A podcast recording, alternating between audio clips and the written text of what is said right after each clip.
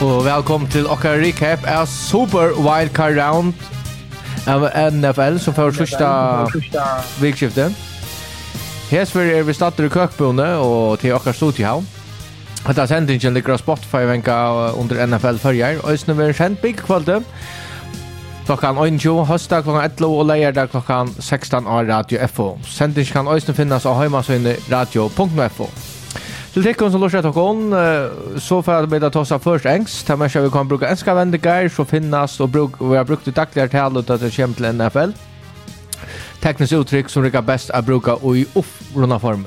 Och i dag er vi trutcher man så står Jon till Arnar, teknikaren. Serfröring Axel Berg och så är Aknar Presta utsätten via telefon. Hallå. Och Ja, Och så är Peter Asbjørn, Men velkommen till den där potvart nummer 9. Ja. Ja, vi er og on. Och nu uh, Peter uh, Hansen är ikke vi. Men uh, vi er foran Mats matcher. Skrajen uh, til er tojen där och så får vi det ikke etter uh, ja, här var så recap och så takker vi ett uh, preview och en æron. uh, ja. Vi har når en pott. Vi kører det två, ja. Ja. Jeg kommer ut i kvöld, og så kommer jeg ut uh, høstmarkenen, blant preview. Ja, og tøyen der, vi snakka faktisk om det åren til, ikke til store tøyen, utan uh, kanskje Chargers har rent for uh, offensiva uh, koordinatorer og... Man skulle annars tro til at Brenton Staley's jobb var sin drivanta. Ja. At han har en uh, sånn... Uh, Omgang? Ja, og Men eh, tar det så bara välja köra offensive koordinatorn så visste det han och det till att Brenton Staley nog borde vara säker annars är han isen över färden bara samma ungenje också. Ja, det kunde också. Annars eh jag vet inte om vi skulle Jag har ju en sån fakta, men det kommer jag att ta om man löter. Eh Ja. Men eh jag huxar lika oj som tog in där tinch nu. Till Lamar Jackson var ute vid en sån kryptisk hon ja jag kan säga bovon. Men om han fer från Ravens, hur kan han så fer? Hvor er potentialer til å si ja, vi vil gjerne ha Lamar, tog at han uh, uh, krever en heftig løn? Jeg tror vi tror at her er uh, nøkkerlig. Altså, vi vil ikke ha ikke Raiders är ett opplagt på. Um, Buccaneers visst där Missa Brady uh, 49ers, jeg vet ikke. uh, New York Giants. Mm, nei, jeg vet Jets kanskje. Kunne funnet på affären också här här ställs de någon va alltså Colts, Falcons, Tex Texans, Dolphins. Uh, kanskje. Jeg vet ikke. Alltså, jag har aldrig något just det att man måste ta åt att lova att den här förhoppningen Ja, ja. men men tar vi var usnuten nu nu läser syndromet där ja? och att jag tror att toa över så skatter. Ja. Så kan det gå för att jag att sig av finnas la vi täcka Lamar Jackson som inte är så skatter. Jag syndrar lukar väl, men alltså, men inte lukar nästa. Det som är det snurr om till till att eh Lamar Jackson har leja jag tänker ut Instagram att nå att där tappte ja och vi var något där och uh, presenting til at her er gnitningar i middelen Lamar Jackson og uh, front office tja, tja Ravens. Han ville hava nutja kontrakt i offseason, det var ikke løgna, og man skal lukka minna slekter beint. Lamar Jackson er sin egen, han representerer seg sjolvan, altså faktisk mamma hans er agenten hans. Han tog ikke opp tala prosenter til en agent. Så han forhandlar sjolver kontrakt. Han går. Så han sitter i en rumme och hörer Tyrs ta sig om alla ringa till att kvar för att du förhandlar ju. Alltså täckt allt under vajklikar emot det där. Ja? Och Lamar vill det häva fem år fullt garantera. Han vill det häva till Sean Watson-kontrakterna. Här vill det bara ge hon tror jag fullt garantera. Och vi tar så om upp mot 30 miljoner dollar om året. Och det är ringt Sean det jag får till i NFL. Og vi tror at, at de linjer i NFL som har givet der store kontrakten til quarterbacks siste offseason. Mm. Det er alltid så godt. Browns, uh, Broncos, Cardinals, Packers. Alle tar quarterbacksene har vært sin søys, uff, at det er stedet. Og man, man bedre for å sitte fast ved Diamond. Jeez. Ja, til sånn at han har dømt, så tar man tar sig en sån quarterback. Um, og det som jeg husker nå er, hvis Ravens ikke Jevo netter så rocknar vi han för. Alltså det tas man tas man postar på Instagram. Ja. som var bara han säger han kan postar att det when you have something good you don't play with it, you don't take chances losing it, you don't neglect it. When you have something good you pour into it. You appreciate it because when you take care of something good, that good thing takes care of you too. Og det er ordentlig, ordentlig kryptust i mån til dette her vi, er vi vet at her, at Lamar Jackson, han spalte, han spalte så ikke, og, men han, han heier sikkert kunne spalt, men han torde ikke gjøre det, han ville ikke gjøre det, ta bench for Lamar skatter, og han hever omgang garanterer penger at han heter Kappen Garley, og tog at Ravens ikke ville gjøre det kontraktene, og tog råkner vi at han helt seg atterfra for å spille. Og ta du gjørs til imot en liv fel av henne, så er det ringt å komme atter som leieren av linjen ta halt så, så måste ha mista sin respekt för för att din. Ta rockni vi. Och vis gnidningarna är större nu än några det är allmänt nu. Ut han alltså han lägger det ut allmänt. Så vi får ett, intressant offseason här på Cher Ravens. Och men det kan sluta svårt vis vis vis uh, Arna, hvis du erst uh, general manager i Ravens, du sier that at du kan få fem år fullt garanteret ved Lamar et lunch. Hva tenker du så? Litt han så, trader du han, eller gjør du kontrakten? Jeg er en som ikke damer så vel som Lamar Jackson. Jeg vet ikke hvor. Og så ganske skal jeg personen spille det. Spille med, men altså.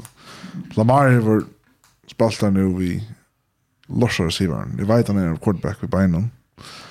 Og tar vi mer skrøpelig nærer. Og det er ganske tog der bank for at jeg skal ha pengene til at Lamar er en rennende quarterback. Fyrir han er meisende. Men han sa at Altså han är nekst större möjlighet av skatter än en annan quarterback. Eller en äldre. Alltså nu har jag nog snickers så den och bollen då. Och stå på tällaren så du minner pengar där spelare. Ja. Och det är det här det då.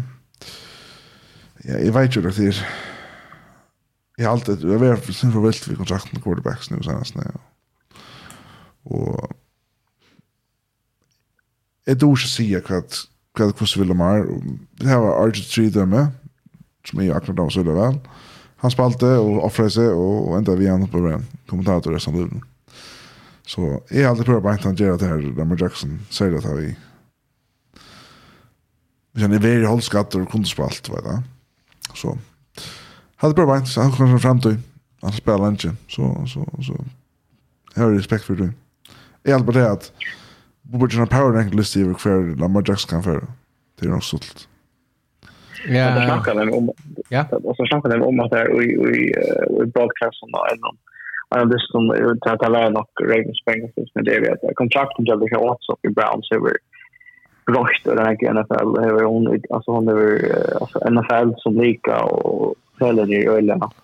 Ark innan Cleveland Browns att har eh, att har tagit spelare i jag som är ni var så eller jag var så kort och de tänkte att det ju så men jag startade som för Barry Joe och Grant Area jag tänker i den där andra maten eh ta ge det att att är spelare eh för full jet och det kostar första stora grejer då med om att han går det back som som kräver det att han tar sina öppen till jag tänker är är olja eh fullständigt överskridande för lag men man man kör full i kontrakt andra maten ja. Ja, men vi kan kanskje snakke mer om uh, Lamar, skjøttene at han også, til det blir mer aktuelt. Annars er kom en uh, sov opp og vente nå, øyne at uh, Chicago Bears, her var Justin Fields, skulle bli halta. Tøy, og grunngjøvingen er at uh, vi det første, så kvarse uh, head coach, etla general manager har valgt han. Her var Tushel til onka relasjoner til han. Och hans här stats, han är kom ja, nästan och helt hans här rookie-kontrakt. Och hans här stats är inte sjankande gå till att få in. Hver skal han Det är ett mega fascinerande sted. Jag vet inte hur gång det säga det. Men kvärt vi Justin Fields för Lamar Jackson. Ja. Justin Fields är boilier. Han passar perfekt in i systemet, det samma systemet som Ravens långt korrar. Det är ju mening. Och så hade då Ösne Sean det drafta Young, som är Nej, Lamar för till. Ja, eller kan Lamar man kan säga för några är stand så lätt lätt tre men Ja, men det där Bears kan kan vinna. Står kunna för det första få Uncle picks för Justin Fields. Och vi står för inne i drafterna som och, och drafta som nummer 8 så så kunde få faktiskt också näck upp på sjur. Visst då vill jag det. Alltså för så är tryck var och på Justin Fields. Hade jag också avavärst att för. Ja, så säger jag hvis man helt vill ha Bryce Young. Hur har han allt att med sig draft nu? Ja, han är Hur han? Ja. Axel, du, alltså ganska två två flera Uh, det var vi i som draft alltså draft uh, analysen och så alltså kvar med man att att att att han är så projekta för att vi ska oss kvar kvar kvar en stöj så det för quarterback är att snacka om så alltså är det upp mot tusen man lock och ta över projekta till där där matchen här eller Eh hade inte man här ute. Jag vet det ju alltså det som man kan säga Andrew Luck och Trevor Lawrence och faktiskt två tag av lov hade det ju fel där. Det var ju det att man tar sig om där fly RR, va? Alltså ta och tar komma. Ehm jag hade han är ganska inte här bara men han är bara under. Alltså vi tar så om ganska eh Kyler Murray eller eh his here for han ja har bara inte eh Sean Jobber över play vis nu eller så snabbt igen ja. Eh men alltså man är öliga spänter och på på Bryce Young guys. Alltså han vann Heisman och i fjör han är bara 21 år gammal och en atletisk quarterback som, som kan det va. Det är akkurat han typen som är igen, men han är sin löjtel, alltså han är 5, alltså 178 eh, 1 meter 88 men ja. Så det är ju en storm över. Så det känns inte nog det största är om man gör någon men men man är öliga öliga öliga spänt på han och han vi satte som ett ett ett nog så tryggt väl för för den är väldigt. Men jag också jag också nämna alltså akkurat det här alltså det är något jag säger för en del att Robert Schwelle ju Justin Fields för i första nine Joe Draftman och satsa nek på på han och det ska ju nog se till alltså vi såg Cardinals för för draft all Josh Rosen i topp. Kan vara den av alla overall? För något när så han som att han där och så ändå där vi första pitchen har rätt och stäcka så Kyle Murray till att hålla ner så största det så att att han kan spela men men det ska alla sin tid tycker Lille ta ta ut Ja. Ja, det ska nog till men uh, som sagt det här som talar uh, emot Justin Fields är ju sjönde att han kvarskär han general manager eller head coach som mm. draftar gärna. Så det kan vi att jag tar vilja kanske ha onkel pick så kanske tar börja nutchen här och i beige men och en annan quarterback som uh, som vi också för att ta sig en gång snacka om. Mm Det er um, hver fer Tom Brady. Oho.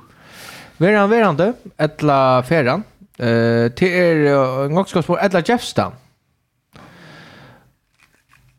Jeg tror vi det er øyelige lydel chanser for at vi sørger Tom Brady og i Tampa Bay neste år. Det er uh, Dolphins favoritter at landa Tom Brady, ja?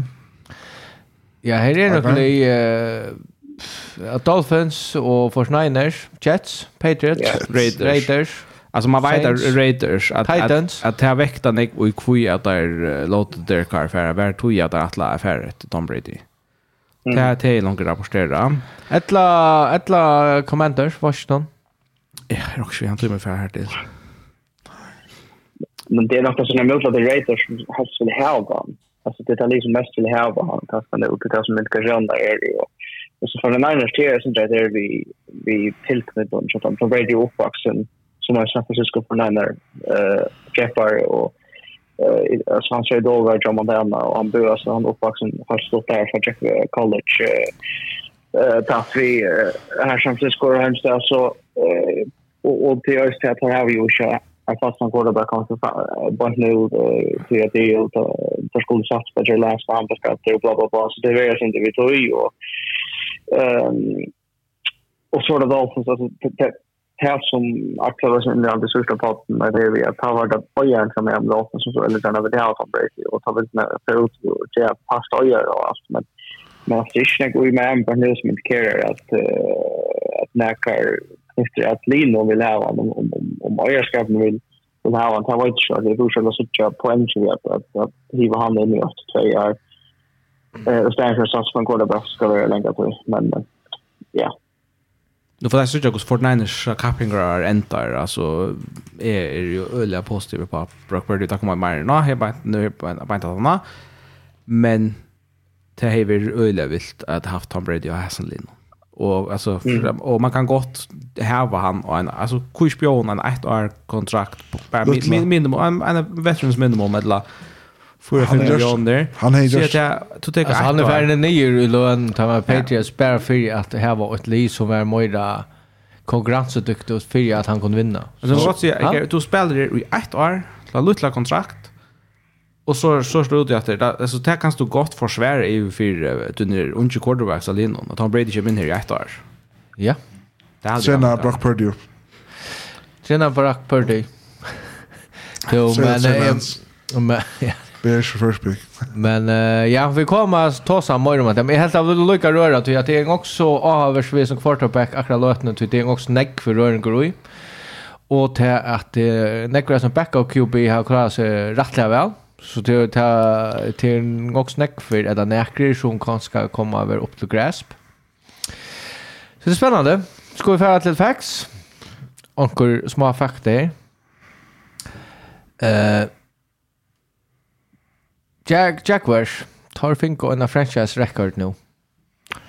Du tar komma och hade och tjejer på en comeback med Chargers.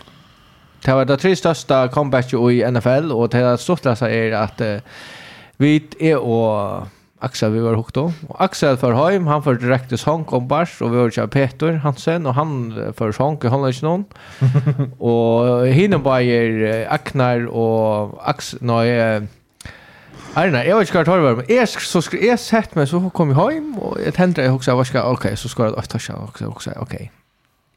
Jag ser det åt driva tror jag. Det enda vi att uh, Jack var vann, men jag vet ikke hva hinner var, du tar det svära så inte. Tar var så kvar jeg vakna i morgen, jag skriver i år. Jeg skriver i att alltså kvärt skjer, skriver jag. Eller jag sa att det var skjer ikke så. Ja, men... Uh, Ja, jag vaknar jag vaknar sen natt av förrän nu till till Dallas kan det vara och säga. Så jag skulle vara Tampa i vunnit matchen. Ja, men ja. Ja, jag kör jag kör inte sen Danmarkskare och så kan man säga pitcha så riktigt det är ju super men det det bästa innan. Jag jag var faktiskt jag hukte efter för att det smått Men Tromsø-Roy Forsov var så också när som hittat efter och tar upp när för Färjestad efter comeback och, det är eh, Changes det är och det är det tristaste playoffs som vinner och eh, men det är ju tjurraskar att det är att det kommer vinna men det är tjurraskar att det charter kollapsar jag sa när jag diskuterade det är ju precis men Eh, nej, att det är en här låten i play. Man här typ det som snackar om det första, man här typ så här det står och de som är eh det är också att komma back och också och stöv så där det så sen nästa tid man får allt bra så här det. Det är snär hinner på comebacken som är större kommer fram. Eh Colts Chiefs för uh, Nick Andrew Luck mot Alex Smith och så hin Houston Oilers mot der uh, Buffalo Bills som vi tog som fyra år som är det största nägrande i NFL så ni till Colts klarar att geva Vikings där rekordna fyra år. Men annars Jaguars tar kört och ojes ner till att komma comebackerna att uh, Jacksonvilles uh, eller tar var så otroligt att inte anna NFL i har näkrande vunnit ma och på den matan som uh, Jaguars vunnit. Uh, Jaguars var det första livet till att näkran jag vinner en playoff dist efter affära minus 5 eller värre i, i turnover. Och han hette Lia så var öll playoff linjen som var som stöv 0-6-7. Uh, ja, uh, Asante Samuel Jr. Han uh, fick uh, tre interceptions mot Jaguars och var den första spelaren i postseason som näkran då i till att uh, ha pick uh, alltså picka eller attacka three passes och i första i första halvleken on the playoff this. Så han är sövlig, han tar första. Han har sannolikt en spelare i NFL så när vi tror tre minute interception och gör en playoff this. Så McCaffrey han uh, tar han förra dysten. Han uh, Han uh, fick han ja, ett land last långsta postseason run fyra först niners och i Super Bowl uh, sövne. Han rann uh, 8 yards och han som är till en som är runt långt det var uh, 1908 för Roger Gregg. Så han blir för vi här så tackar vi också som då så om jag kan. Kost du matar kost gå en quarterback. Take to average per carry Jag tänkte mediana. McCarry. Till exempel McCaffrey hade en hej mot oss nere 8 yards average, ja? Ja. Och han median var 2,6 yards. Nick Little runs. Det tror yards det kan vara. Ja. Kan kan det liksom. Kan växa du? Agnar, vad säger du? Det är ju Mia vanligtvis, tar man tar sig om det. Ja, jag vet, vad vet, jag Men verkligen du inte alltid Mia? Jo, jo, men det är ju meningen, kanske, ja. Det var det att, ja. Kanske, nu ränner han 30 för en producent, man kan ju frysa. Och för bollen 20 för handen så där. Ah ja, vad var det bra så? Ja, Purdy. Han är en finnandist. Han säger, eh, och han är ju han, han kastar ett tröje touchdown og Russia i 8. Som Georgian Sovlian. Mm. Tog han den første rocker quarterback i NFL-søvne til å ha fyra touchdown og en posse som dyst.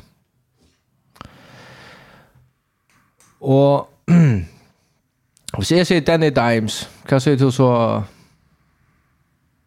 300 uh, passing yards, 8 uh, rushing yards og Det kastar för två touchdowns som är rekord i NFL så i postseason. See you on Wednesday. Daniel Jones han ramsade upp här ivre. men han tar första NFL första quarterback i NFL sövne till att kasta för minst 300 yards och två touchdowns och hava minst 70 yards uh, det är faktiskt näst flest rushing yards en quarterback i NFL yeah. Han var faktiskt uh, game leading rusher vid 88 yards och Sejan Carriers. Och best med av någon. Ja, han var han var funner. Så han blev sövliger. Metcalf.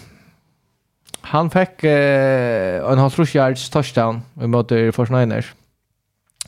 Alltså han er vår trutjar receiving touchdowns och halvtrus yards eller Moira.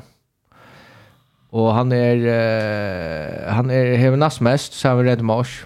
Han tar innan så är John Stellarbort som uh, han är en nej, som är en halvfemer. Han är ju fyra. Så eh Makaf han kan blåa Fallon Group. Eh så det också vi 7 sit att man ska tacka. Sam Hubbard. Så det där. Ja. Hatta spelet vart av långsta fumble return touchdown i NFL-søvne. Wow, va? Ja. Ta långsta Bengals touchdown och i possession så och ta longa go ahead touchdown som skorra i i quarter och i NFL playoff sån. Så så det. Eh Bills Bills uh, skorra fortsatt och steg mot Dolphins. Till så att nu har de skorrat tror jag dyster, playoff dyster i träck, minst fortsatt och steg. Som är det näst mesta. Tappar senast. Det langsta strikket, det till til Forsneiners, som skorar i 34 steg och 4 dyston. Från 3 av 5 till 4 av 5 playoffs. Det är så hvis jeg vinner med Bengals, eller få mer än 34 vinna helst. Så så här då lika som eh så är det Jauner. Och Joe Burrow fick en franchise rekord vid det kallar Han är mest vinnande quarterback till Bengals i fyra playoffs dessutom. Jag syns det. Ja, och så färdar vi till eh det som hände mannakvöld, ja. Och inte det kunna säga. Så var det en kickare som eh, han inte bara fick rekorderna till eh han är första kickaren i sövnen till att han har mist fyra extra poäng och en dyst. Och hvis du hukte Disney så... Hva er det mest spennende parten av Disney? Det var så ikke man får blå vi av krigsas ekstra pointene. Ja, fyra det fäste. Det är garvilt. Och, och man sa att de Dak Prescott trea ta tag i Chalmers så här och han så hamra han i han nu att Det känner inte skuld att för ta det hände tvärför så borde du färdigt två på en cover men hade väl känt att det så där jag hade där gjort det för hans skilt bara lade han blöja sparka. Ja, blöja runda. Ja, där gjorde bara värre. Alltså han totalt smälta i sig. Alltså Iron Cowboys så sätter att en reporter spurte han, jo, vet du, nu kan kicka i sig, nej, han gör något gott, stabilare. Ja, och det det det så till att han skorar ett, han skorar, han skorar ju ett. Det så just, ja. Ja, och det var all stadion som jublade.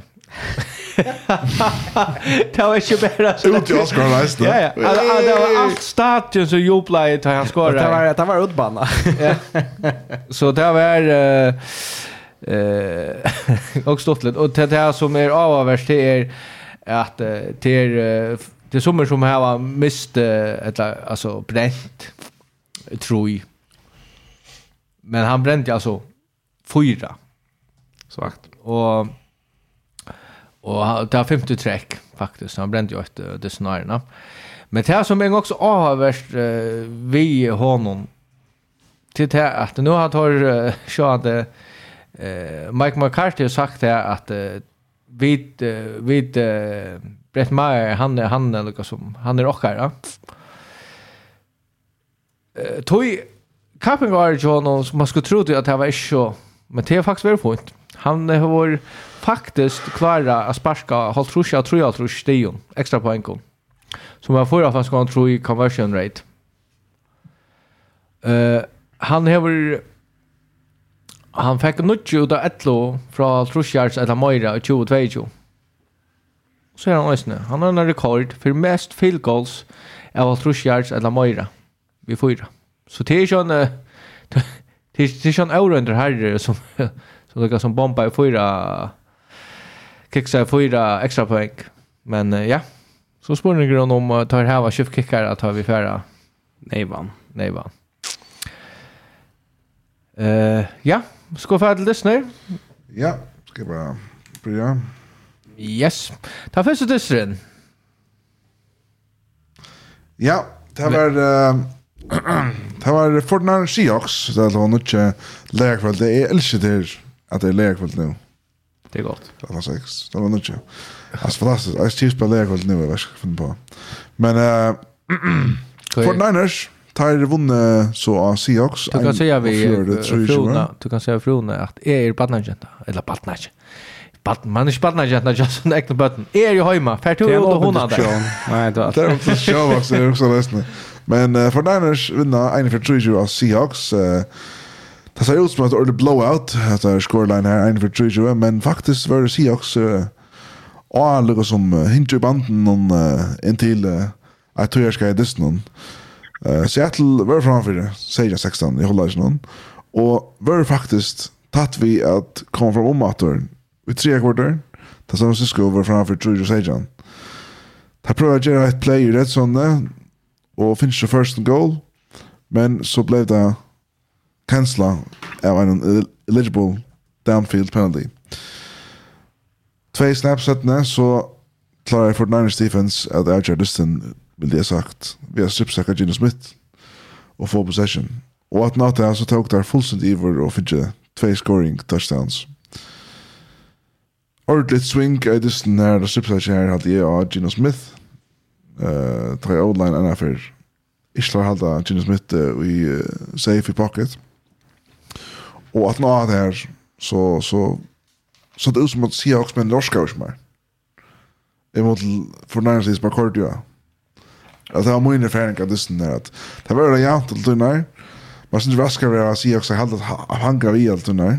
Så lunch som gjort det. Och så fullständigt brött system till att man sa ska gå för när faktiskt. Ja, det hade ju möjligheten att lägga sig åtta här på. en. Det är ju ändan av ja. av tre quarter.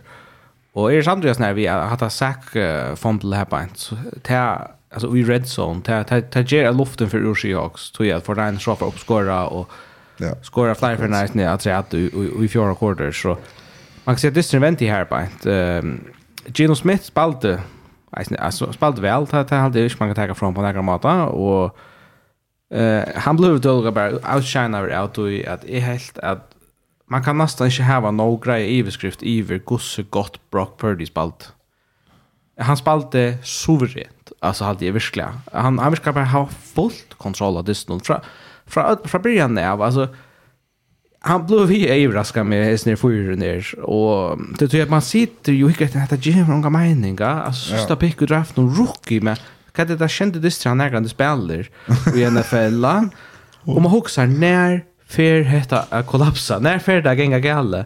Och han är onkan du vust ena för han har haft en vanlig i NFL. Men hette här var nog hans bästa distrikt. Aknar sig att det är tog att det inte tog han är så gåvor till tog han ska få grund om sig. Säg det inte Aknar. Han spalt i eisen väl.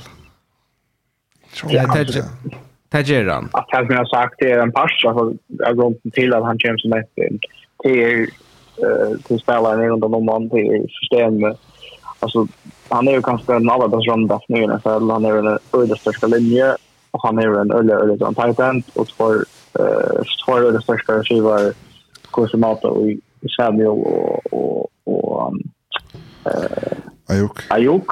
Och så har han varit en, en goa, alltså Jennings är ju en goa deep. Så här är näck runt om oss på gång. Och två goa tajtet, men, men alluga väl... Ja, plus det här innan man är det möjliga goa värja. Alltså, så kanske mot poäng till andra värja att, att han häver runt till en spelare som på, på det kan komma in till trading och det är eh och det här att han är snack och att Lee som han är är en god stil för ventilal coacha men så då är han så person då som gör det out och han ser mat det spel quarterback på som som är att han han spelar så han känner sin nightlook så väl.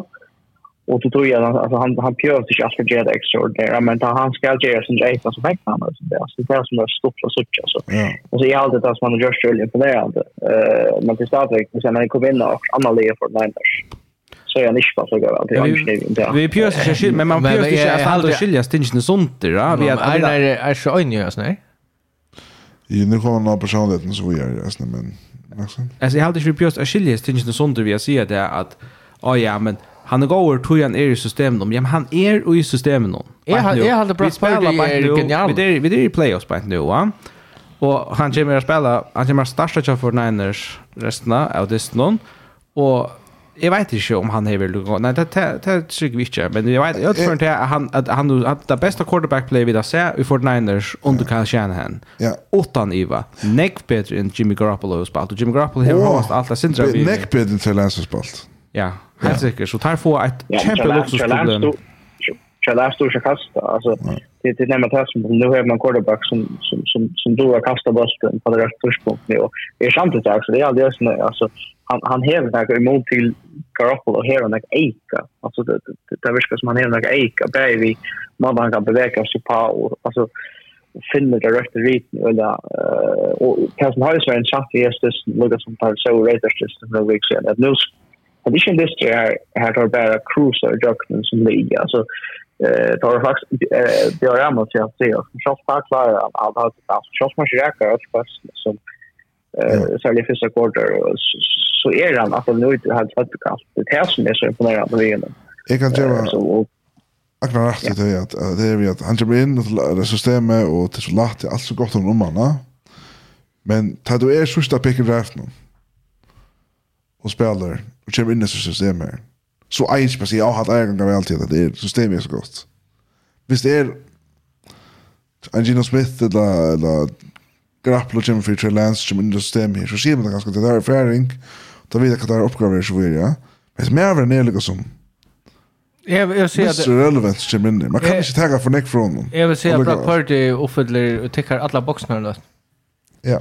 Tror jag att vi så är kort en en en hvis du täcker en uh, Terry Bridgewater eller en Dalton etla inne Er dere ikke hørt att klara det allukka väl som uh, Brock Purdy? Hei, hei, Zach Wilson tar allukka väl som Brock Purdy? Nej.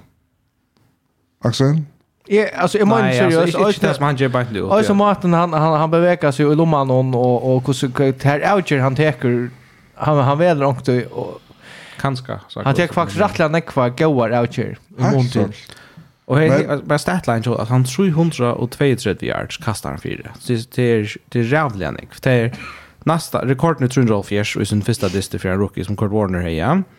Tre touchdowns och så här en rushing touchdown Eisne. Han skulle haft av fjärde och det är faktiskt det bästa kastet han gjorde i disten. Och det var det som Ayuk drop här på han ränner runt och lägger det blir en perfekt anbult ut i hjörnet. Alltså det hade varit Lux Mahomes som spelade här på inte. Alltså yeah. man kan där playa.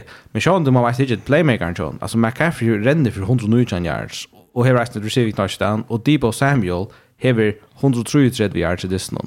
Det var 505 yards av offense. Det är svagtlig högt. Och George Kettle har ju varit spattat funnandist. Ja, Kettle är glowhajt på nu. Ja. Och det här är, det är loaded. Jag säger det, sista pott. Tar er vinna Super Bowl. Ja. Arne lukar som for vi er for för lyssnare så vi er det. Önskar det vi for å ta så mer för att Niners i neste sändning så vi er det. Men for jeg tenker lukar som Seahawks har någon på en minutt. Ja. Hetta skulle vera rebuild av Arstheim. Hetta null sejan li som menn uh, predikta at det er færre.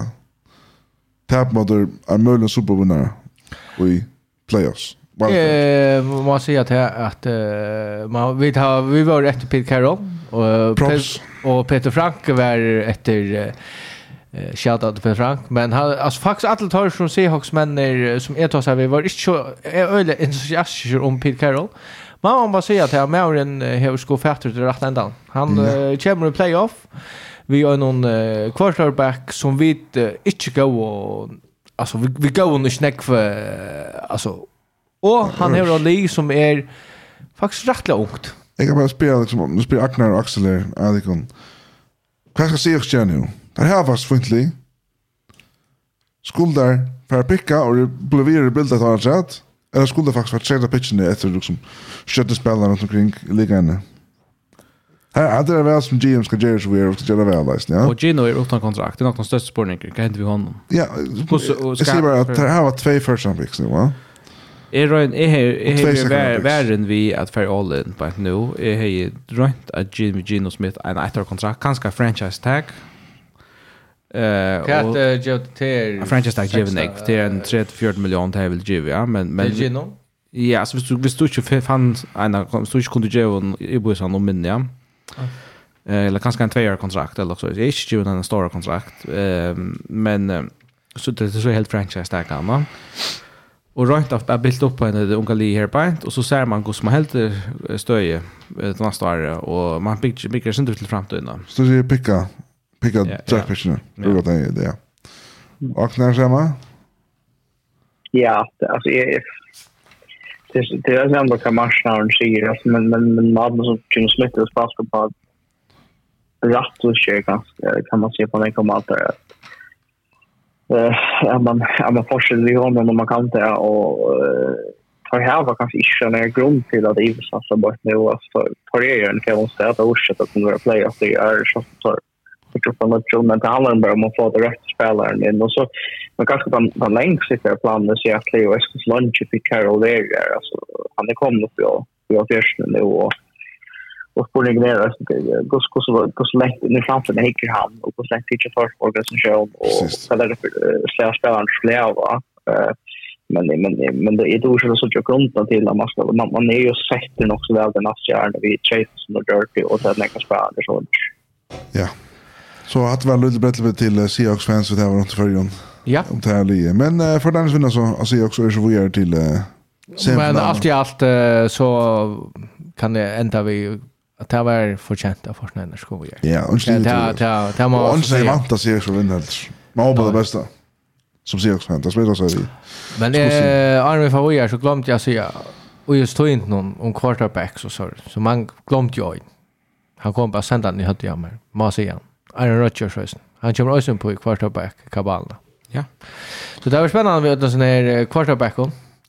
Ja, vi får laste sen, og det var uh, yes. Jaguars imot the Chargers. Ja, jeg kan snakke om han, kanskje at det var en som sa han enda han er åkken, eller nei, et vatt. Ja, ja. Nei, et vatt, tost tid. Var så uh, The Battle of the Hair. Det kan lyssna den slikkare, i møte Slick noen, ta eldra i møte du spilt nutja ta unge Trevor Lawrence, som hever prekva skarft at han aner prekva skarft åren. så, at han har horripla horrukker gir så er kommer atter, og han har utlaver en stor, stor uh, framtidar uh, franchise quarterback for Jaguars, som mulig kan være et kjempelig neste fem årene, bare vi hånden og ørnåta. Uh, Verjan Jaguars er gå ut, Men det disse blir Tjej som noll till Chargers. Men för sång. Är men sitt uppe där han kjøper det gjerne, og ikke det snå?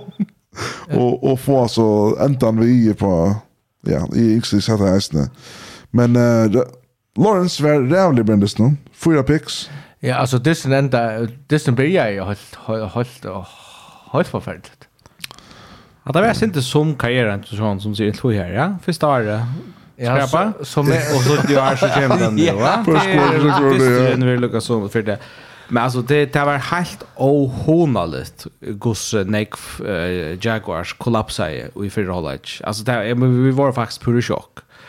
Alltså tar tar drives i distan. Tar har tar få bulten sex fairnar Tar har interception att du första kasten om distan, charge för stottan banan ska touchdown så får där åter interception att nästa nästa drive någon og god hjelp med eisen av de trea.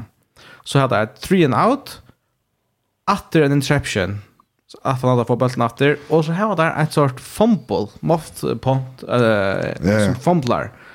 Eller rækker en spelare, så det er det just med fumble. Ta, ja, altså, og Chargers er så åtta tjej ikke noe, og Chargers har bare superstort han banan hver jeg fyrir der, ja. Det er svakligt at du kan gjøre fem turnovers i en dyste, og stadigvæk vinna. Ja Og det som hendte var at der finke enda i fyrre halvleidje vi et sort flott touchdown drive. Som gav det, så ble det tjej tjej tjej, og man får det halvleik, og så sett man kanskje et eller annet sted ved kjenslen der. Ja, det hever også å si at lo luka hører at det er positivt er.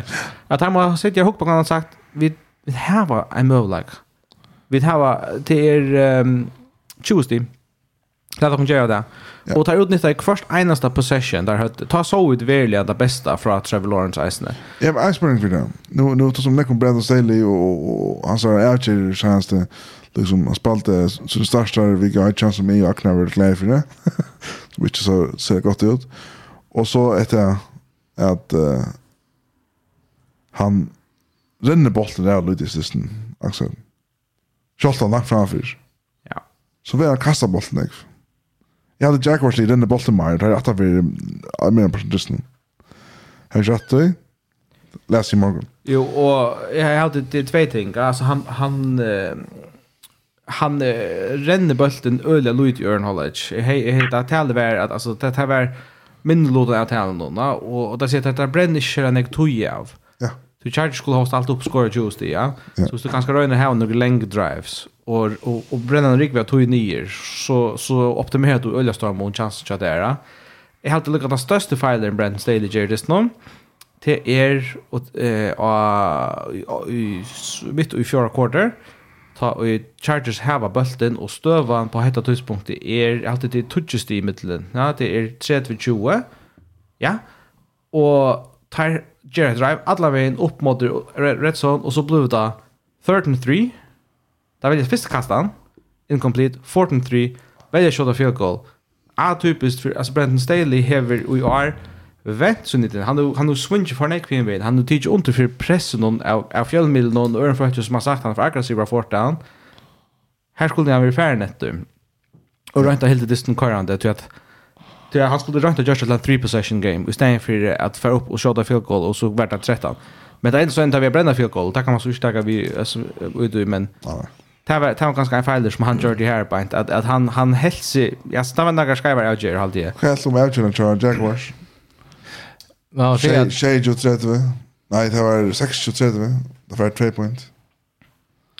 Ja, det var det var det gjorde det men men grunden till att gjorde det var att det var en penalty på Joey ja. Bosa som är sånt där och inte där och så var det efter linjerna. Här heter det att det var tror det var efter linjerna. En en en en en så rotnera och Harry som Nick Bosa han har två år två penalties. Eh och det är två stora och helst han sättne var eh han får faktiskt ut och han tar chalmna och han så kylar han här i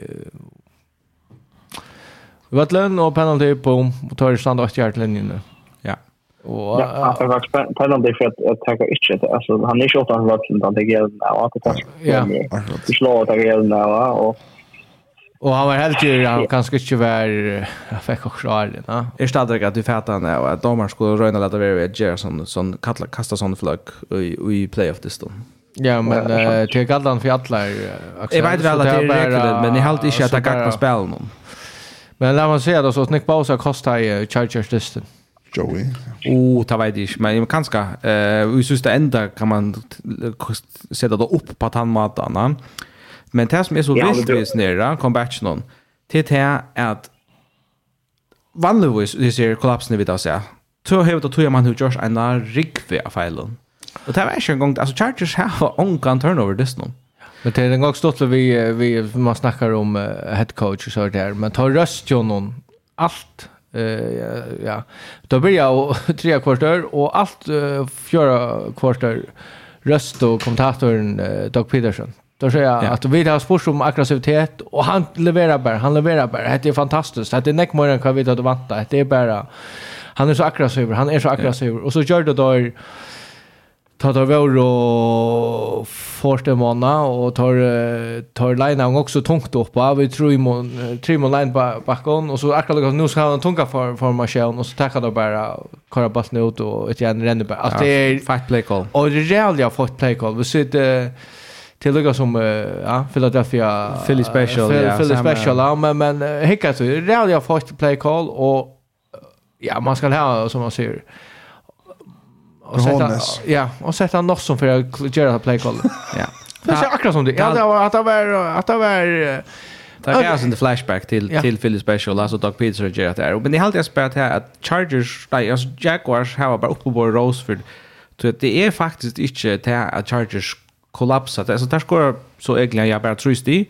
Vi håller inte, men det är faktiskt Jaguars som bara spelar extremt väl. Alltså mer än något annat att han har själv var hade alltså man kan säga tack kollapsa i fyra hållet byggt upp att det och kom i att på andra maten men det är inte chargers som på samma mån kollapsa och till stort är det är att uh, Peterson uh, pontar eller kickar mm. han är undrafted agent han så pumpar till han var uh, yeah. alltså Hej, Lusen var det vintervär så jag kan skapa för en tom lunch nu. Ja. Men ja, att det så att där Chargers och Jaguars uh, Chargers tar jag så kort tvärs för en sekund som tar som. Brandon Staley är mer en defensive coach. Sholas han var defensive coordinator tror jag. Jo. Och Conarden och så alltid varit outside linebacker coach och allt möjligt sån här och så offensive coordinatorn tror jag att han är nog tar som som som som du kort är efter grundkonsten ja det är nog så väldigt church spel så utla men eh, vi kan ända lyssna vi vi att en en tweet som kom ut och ta kan jag bara läsa upp till Brandon Staley must be fired. This is a sentiment before the, this contest, contest because of the uh, idiotic decision to play his starters in a meaningless Week 18 game. Det är ganska ivroxa stövna. Det är helt att du får läsa Twitter till Trevor Lawrence upp. Nej. Nej. Men det var så gott. Waffle House. Kom on. Han, han, han bär sig ät på att han perfekta maten att han hade där. Först att lägga tweet ut They had us in the first half, not gonna lie. och så att han hade för att bruka kvalitet på för Waffle House. Som är genialt där. Allt det. Jag tror det. Men annars tar vi snack om hit. Det som du snackar om. Eller? Så säger jag smauren ändan på någon här som sitter här att det var faktiskt funnits slä här var att du inte har kvilla spelaren så var det gångt. Vi snackade om det så stapp på. Jag vet inte, du ser det. Det var ja. det var tio bara så att det fram gick sen. Ja. Och vad är vi på? Ja, det är så att det är så typiskt att man man kan alltid köra tron nu och se att det tog jag att träffa dysterna och det är en öjlig förenkla tuschingar samlagan att man tar träffar dysterna tror jag man är 20 Ja, man spär starkare. Men, men det handlar ju om att, att Chargers kom in i Disney och inte Uh, Tryck av spel inte så det är någon. Och, och det är lite som att uh, så jag tycker att det är någon massa.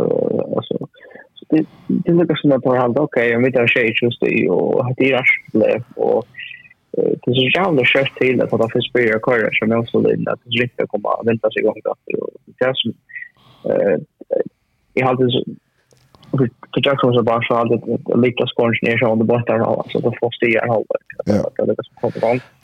Och för alla det som att att att att ta med in och och och uppla och ta kom igång på den så att man rörs och så så så är målen nu större än här i alla och snägga possessions pressure tag och så där då ju. Och hade är jag inte det att tror bara som Chargers har haft länge på det. Ja att att att välja kan man säga James Sharp Skarchen kanske har det trubbel och på rör det av AFC wildcard in och som inte från det så står så störst på så där för play. Och shot med hur haft spelar så det är väldigt passion men det är sen är resten men men men det det är bara också vill in sen att ta fram bara bort transition där här var vi nog låt om och ja. Spännande vad så jag hur Chargers Magnus Nastar säger att hvis Tom Brady ganska federators så är man ganska Patrick Mahomes, Justin Herbert Russell Wilson och Tom Brady i samme division. Det är väl också litt. Men uh, vi får lastes den. Men vi måste faktiskt göra vet, en samma fin och göra hver affær. Vi tackar redan en gatoj om kvann dyst. Men, men inte tycker jag ja.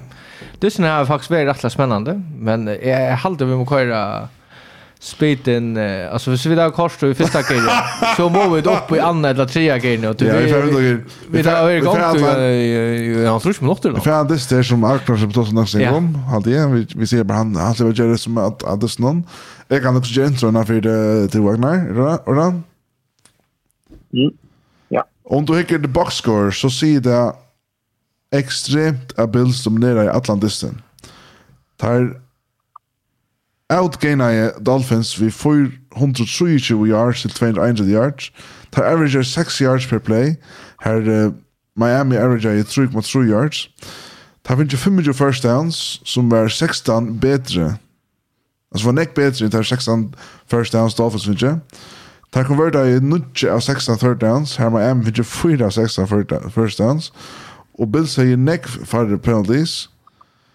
Uh, og ödlan framtan så, så ser det ut som att man inte gick i stövna. Att Bills hulva i Dolphins av. Men allikevel så var enda i støvan 4-1-70. Hvordan ber det til at Dolphins faktisk kunne vinna disten innan? Ja, hun kan skal det, sen till och se att uh,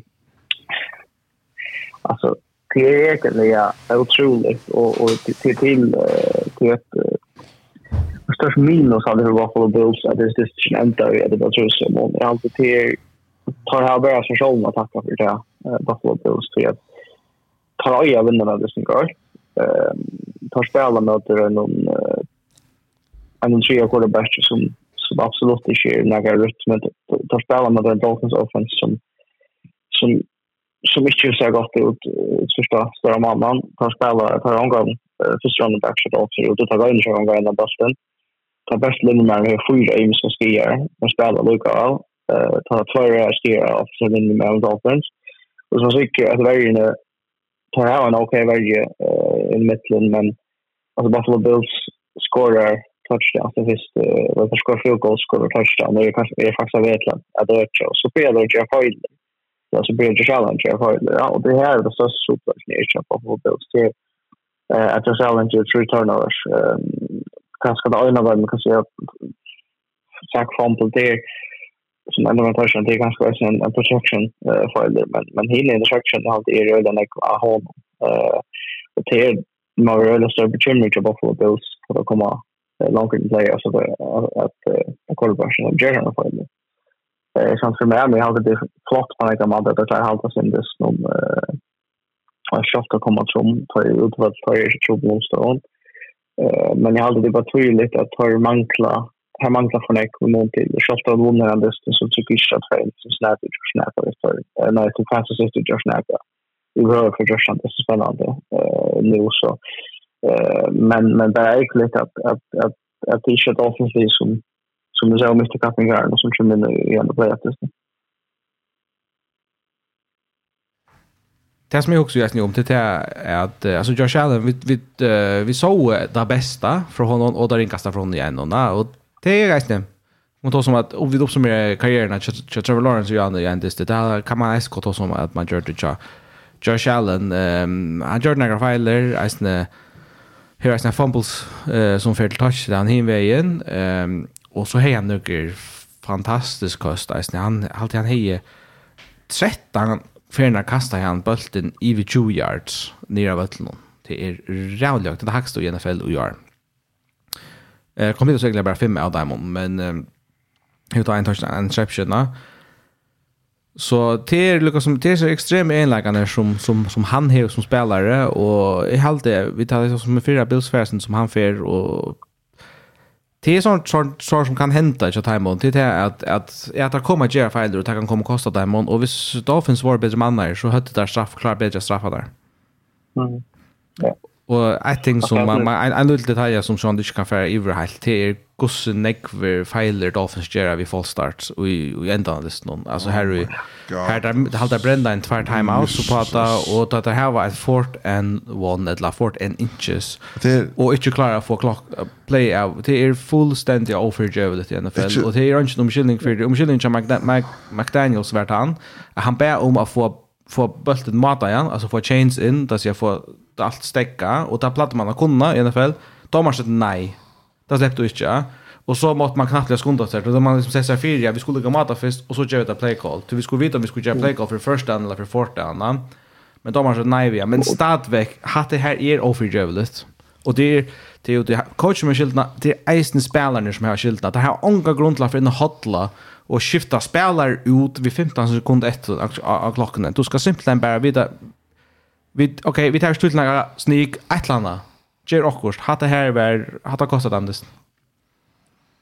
Så plan är att komma här till att ta här som allt ett för det har brukt. Det tycker så säga att de skjuter dem ut på en par spel klockan när vi är ändå nio ja.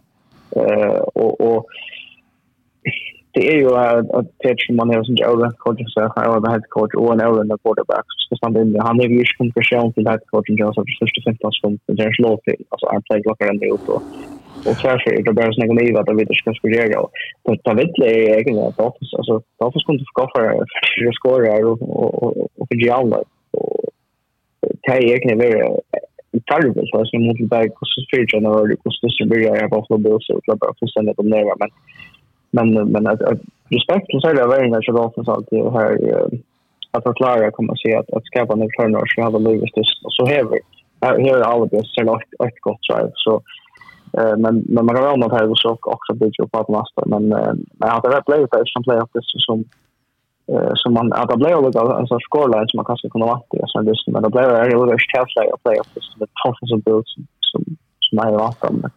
Det är nog så paradoxalt kan se att att vänta att alltså Först av så play så det sex som tar av Matt Moore quarterback if you're around time and like the kind of the ski i nass eller tryser det som rätt för season. Så so, Så det är tyvärr ju att jag måste in quarterback and Jag kan en jag kan ända vis och hända dysten. Skylar Thompson var bättre än Carl Hilton, men han gjorde inte om Brock Purdy. Vi är texten när det.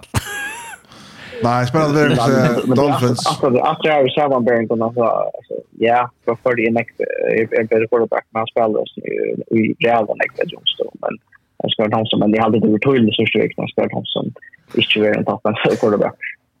Nå, men sen ger till nu jag hade bara skott för backfen, men eh spännande verk hos Dolphins ända ända vi kan det göra för på nästa år.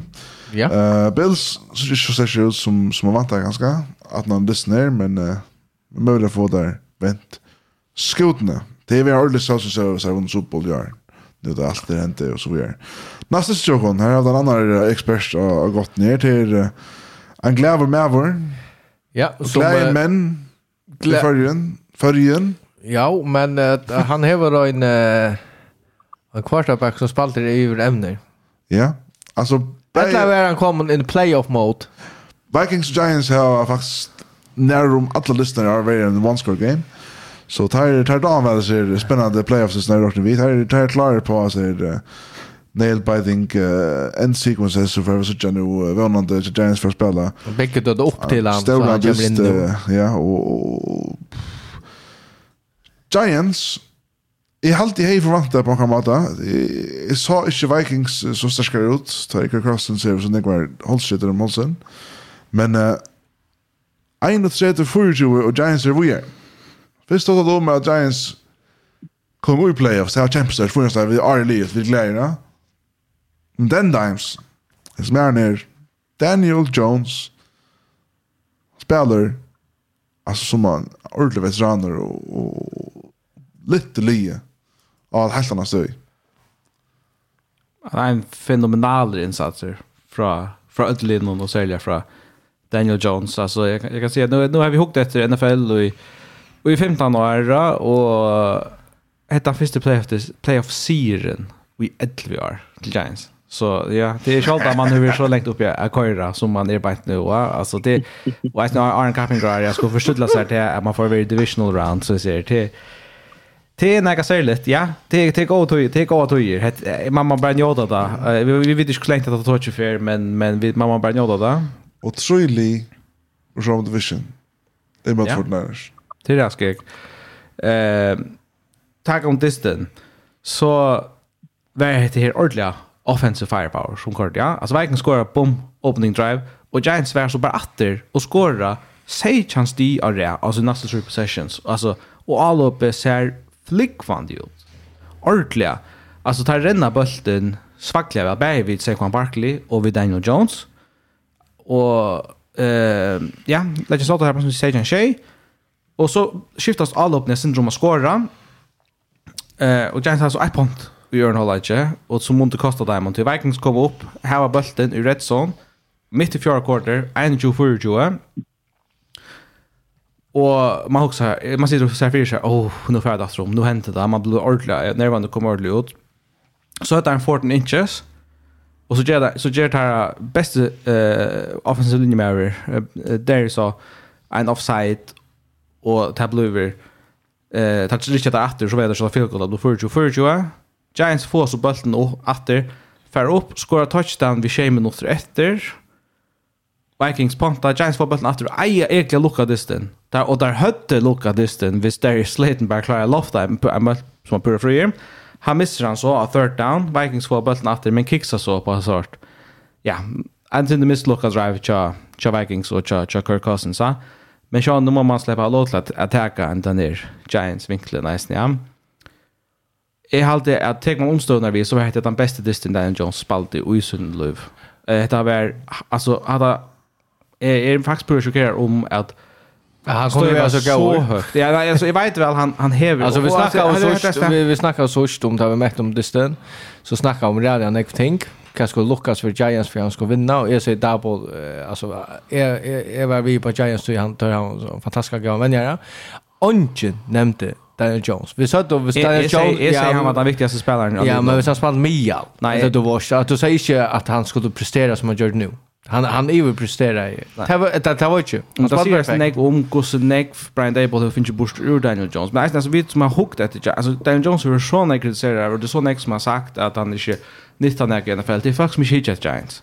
Faktiskt man huggade till Giants det så jag vet att det är Daniel Jones. Jag känner ju Giants. Ja, ja, det är det. Jag vet att han häver han hever nægir øyla gode enleikar, og han har finnje, att Brian Dable har finnje han til at avmarska sina feiler, og ut i sama så hever han finnje sjåsalit, og ger eisen, nu byrjar han i endan av Kappegarden, ja. atter a gera store place, samstundes som avmarska sina feiler. Han, han spalte faktisk ein perfekt an this terbind, og det er helt otroligt hvordan effektiv han var at renna bølten. Ja Og så design runs som som han hever på inte. Og efter først han sier at han distant til det we played a clean game. Altså onga turnovers. Til fokus til startvecka. Vi ger inte fejler. Men att det vet jag så hävd att det här tensionen och, och så hävd du sjön det isen säg kvar Barkley som du kan jobba lite som isen gym när de står omkring. Angela att Giants spännande li här nu men blir presterar och så vidare. Jag tror liksom vi kommer att ha som Giants man löter lika väl och Brian Dable och Six Coach of the Year, rakt ni vi. Ehm Men Vikings, han kjøtten tar han fra Will Lastisten. Tyres in the krisen nu, va? Tar en, en aging quarterback. Justin Jefferson, kan det være han fritjer den trete, man vet ikke. Ja. Hvordan ser det ut til neste år? Jeg har tar må halda fast i Kirk Cousins og satsa på at det heter run it back. Run it back, jeg har sett. Alltså Rönne Joe, Rönne att locka Jefferson upp till en stor kontrakt i offseason. Ja alla sagt här har fluk och gör det här vunnit har haft minus differential så gör det och ta slash på playoffs och det är det det är som viktigt. Alltså Lakers är inte att säga i mån till. har vinner Giants. Ta vinner Giants. Nej men vi alltså ja det var som ska säga men Giants kommer akkurat i playoffs och som Jesus klarar akkurat. Och det är li här 13 tror jag det kan det så får det. Alltså Taja presterar bättre. Jag var de inte väl Vikings att det ner. Jag helst dampar så väl och jag har haft några tatta dyster. Och här var. Men tar man tar kan mangla ganska mangla också jag vet inte det. Det ser ut att tar mangla ganska det som Doug Peterson här. Eller det som Brian Dable här. Nej, nej, och sätta och och sätta Kahonas. Alltså det. Vi får bara nästa stund. Tack för det här Axel. Du släpper så som alla gör. Jag tar samma. Ja, men det är ordentligt. Det är nog stämmer det. Du ser man dessa träd nästa vecka. Ja, jag menar. På att tappa på något. Ehm, nästa jobb när Bengals mot Ravens. Får du säga John? Jag har checkat se det där inte vant där Ravens för vinner det där. Jag kan inte vi Giants här. Nej då. Eh, Lamar Jackson har vi ruled out och såg som okej för inte Bengals vi är och det aktas men det är snä. Man vantar ju att Huntley Brownford att spärra oss om sin tog innan quarterback tog men det ser ut som att Huntley spelade väl Och det går faktiskt lite som alla det kom preaching till Bengals men det enda så vi Bengals vunnit sen när i halsa över mer än halva gira vill det sagt. Ja, alltså Nej, men jag hade ja, alltså hvis du alltså jag hade det där som faktiskt mer instruction shop så vi har kommit in i Buffalo Bills och Bengals så i Hinnebaden med Jag är ju när visst alltid att, att, att Bengals kommer in i play och så spelade på andra mannen som studerade. Jag har alltid faktiskt undrat alla kritik att alltså det är ju det det så ut som det tog lagt på det där kan man ju se se det men men men tar ju ju nog så heldig att jag vinner något visst jag hade det då spelar ju som du säger hade på spelen grejer som näck under tusen som komma.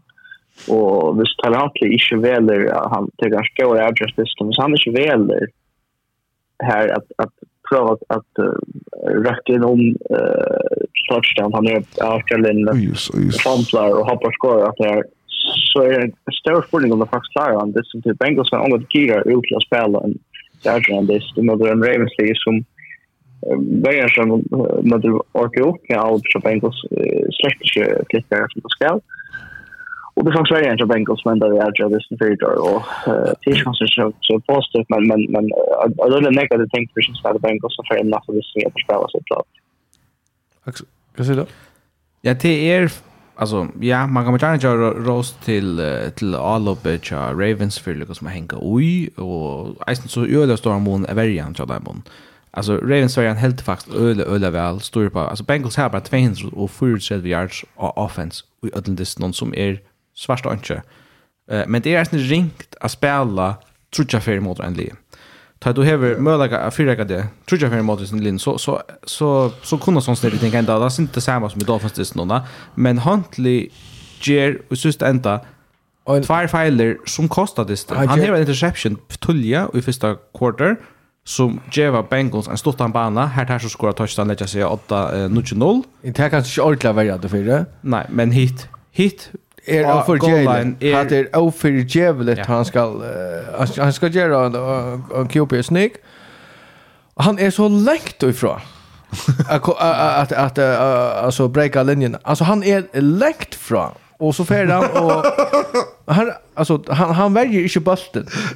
Alltså du du sa alla quarterback Gerard har hoppa och så har då ja, nu demonstrerar det nästan här inne men men då här var alltså då har hänt när och bollen in i kroppen och så tar det kommer mot goal line och så så kör det ut. Tar då sikre på att vi breaka linjen och så kör det upp och tar skulle bara bollen ska bara över om linjerna. Så så så är det touchdown. Han är läckt från. Han är så längt han är längt ute. Han är har en annan yard ute som ja, ja. är för längt till. Men han är slash orientera så till och snö kvar kvar han är och plus till att där att ta line upp eh och så att ta kvar några fullback att han fyra. Running back så lukar trushan där så nästa. Han ronkar upp. Han fyra upp, hoppar, kör handen upp och så Sean hinner tar Så det är synd helt det där som hoppar fair bulten men det är alla gott runt i åter ja. Men men glädjen jag hoppas faktiskt att jag lägger som måste just en nudge overtime rule som vi som vi kommer att göra. Men eh han gjorde det av third down. Av third down. Av third and goal. Du har en down efter. Han just har fourth and goal så han kanske kunna fyrtju yeah. där. Schalt om en fumble här på en stor en chans för hinvägen. Hade er hade er en, faktiskt en all time filer att göra i fjärde quarter en just det hade varit just det just den svinga i första sti här på. Och du underdog. Eh och jag hörde Sean Payton ta sig om ett er Chuck Fox som säger han hade så inte utlevererat ett design play han skulle göra där men att han ganska han själv som Forrest and the Rogue ja. på inte att han skulle att han hade sett lucka sneak play Att han samma säger att det är oförjävligt. Alltså att det nästan som man säger farväl och tack horen här till Kosta kom playoff. Hatta kostar det alltså vi hade haft annan dist annars ja. Ja, men jag kan inte nog säga att Sean ska Auburn inte för att vara alltid för Auburn att attacka men också så man väljer egentligen en quarterback sneak och att han spelar ut tar man alltså tar igen Boston alltså pröva att det hade tört att det tört down och i hade det oisolerat ut till sneak. Vi kallar han som inte är ganska fast position eh som också är som då eller som här var kommer se Taron när Jesus Nietzsche som vilka grejer. Alltså, man ska då också väl att göra det, ja. Eh så jag vet inte, jag, har det ganska provat upp det som spelar en eller grund. Det är språk och sötspår som jag har tänkt. Och, och som ser jag så att det hört det. För jag har ändå chat chatlist det. Det görs ju satsa all or nothing som play. Nej, du vet att det står chans för en fumble på svart play. Ja. Och när jag tror Trevor Lawrence gjort det, så vart det ett two point conversion och det var ett yard linjen där. Ja. Ska man nästan minnas till så det är nog helt något helt annat. Man säger att att för för mig för vi kommer jag ska runda den snö. Jag är glad för att Bengals kommer göra. Ja, det var spännande. Ravens vid Lamar Jackson drama inne här vi skulle ha att ta samma om. Vi får också sans det stod när super wildcard runt ner. Åh, det var en god Det var the Cowboys i mother the Buccaneers. Hetta var ein av dei mest einsuja av NFL playoff distan og i uh, seinast uh, yes. service gamingene seinast 20 årene. Og Og vi tar de første tve drives, var det tre, tre outs, eh, tre outs, vi tar vekk for de første drivesene. Alt som Cowboys nørste vi ble til godt, og vi ikke ta som extra points. Uh, Buccaneers, her som jeg har hei Murphy's Law og sånne, så ja, det var alt det ringast som kunne hente, hente og i støsten der. Dysen enda 1-4, og Tom Brady er nu så 7-1, som han har sagt også i den, så er det så viktigt. Og ikke 7 nummer. Jeg vil sagt det at en, en, en stor grund til at uh, at Cowboys uh, klarer så vel til er jeg sier ikke øynmauer, men jo, Mia Parsons. Spalt jo en feminalt gående. Michael Parsons, ja. Fy, for Han var ett dyr. Han är turned on nu. Och det som en också avvärste det är att Brady, han fick en interceptions i rätt zone.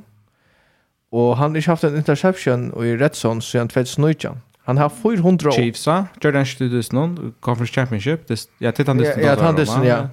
Han har 421 attempts i rätt zone. Åttan en interceptions.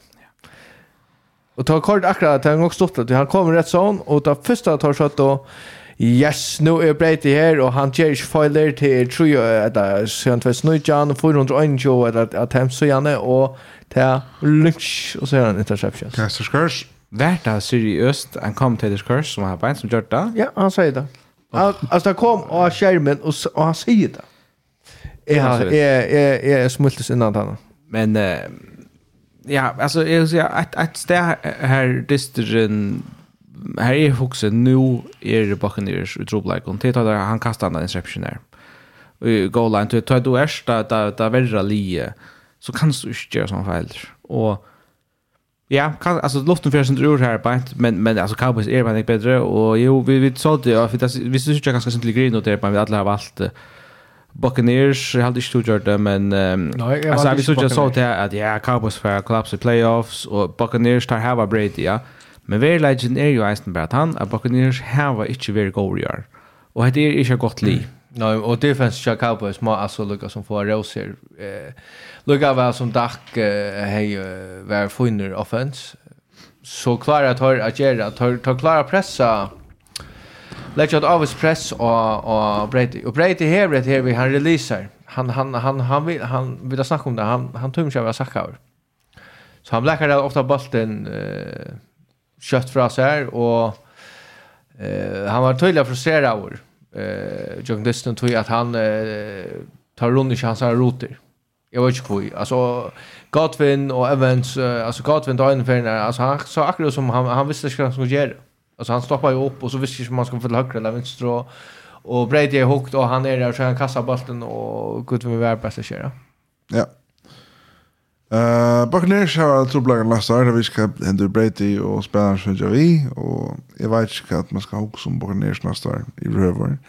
Cowboys har mot är så vidare och jag vet choka för sånt. Så hatten är för Cowboys och Cowboys fans look with you. Så det är vi gör. Att det första playoff uh, uteserie av dem i CM Mitchell playoff. Ja. Eh Dallas Cowboys. Det ett ett Super Bowl av dem. Så att jag tror det är större för att Och hade det här spelet kanske Dak Prescott upp till det som, som han kan. Och, och som, som precis som säger, det är vägen som, som är rörande katastrofen till att försöka styra tempo om kan bekymra igång. Så kanske ta vara att man som sagt man första veckan så att det här så var om det och Michael Parsons och och så på och det samma var sjön var då på i i San Francisco så här där chans.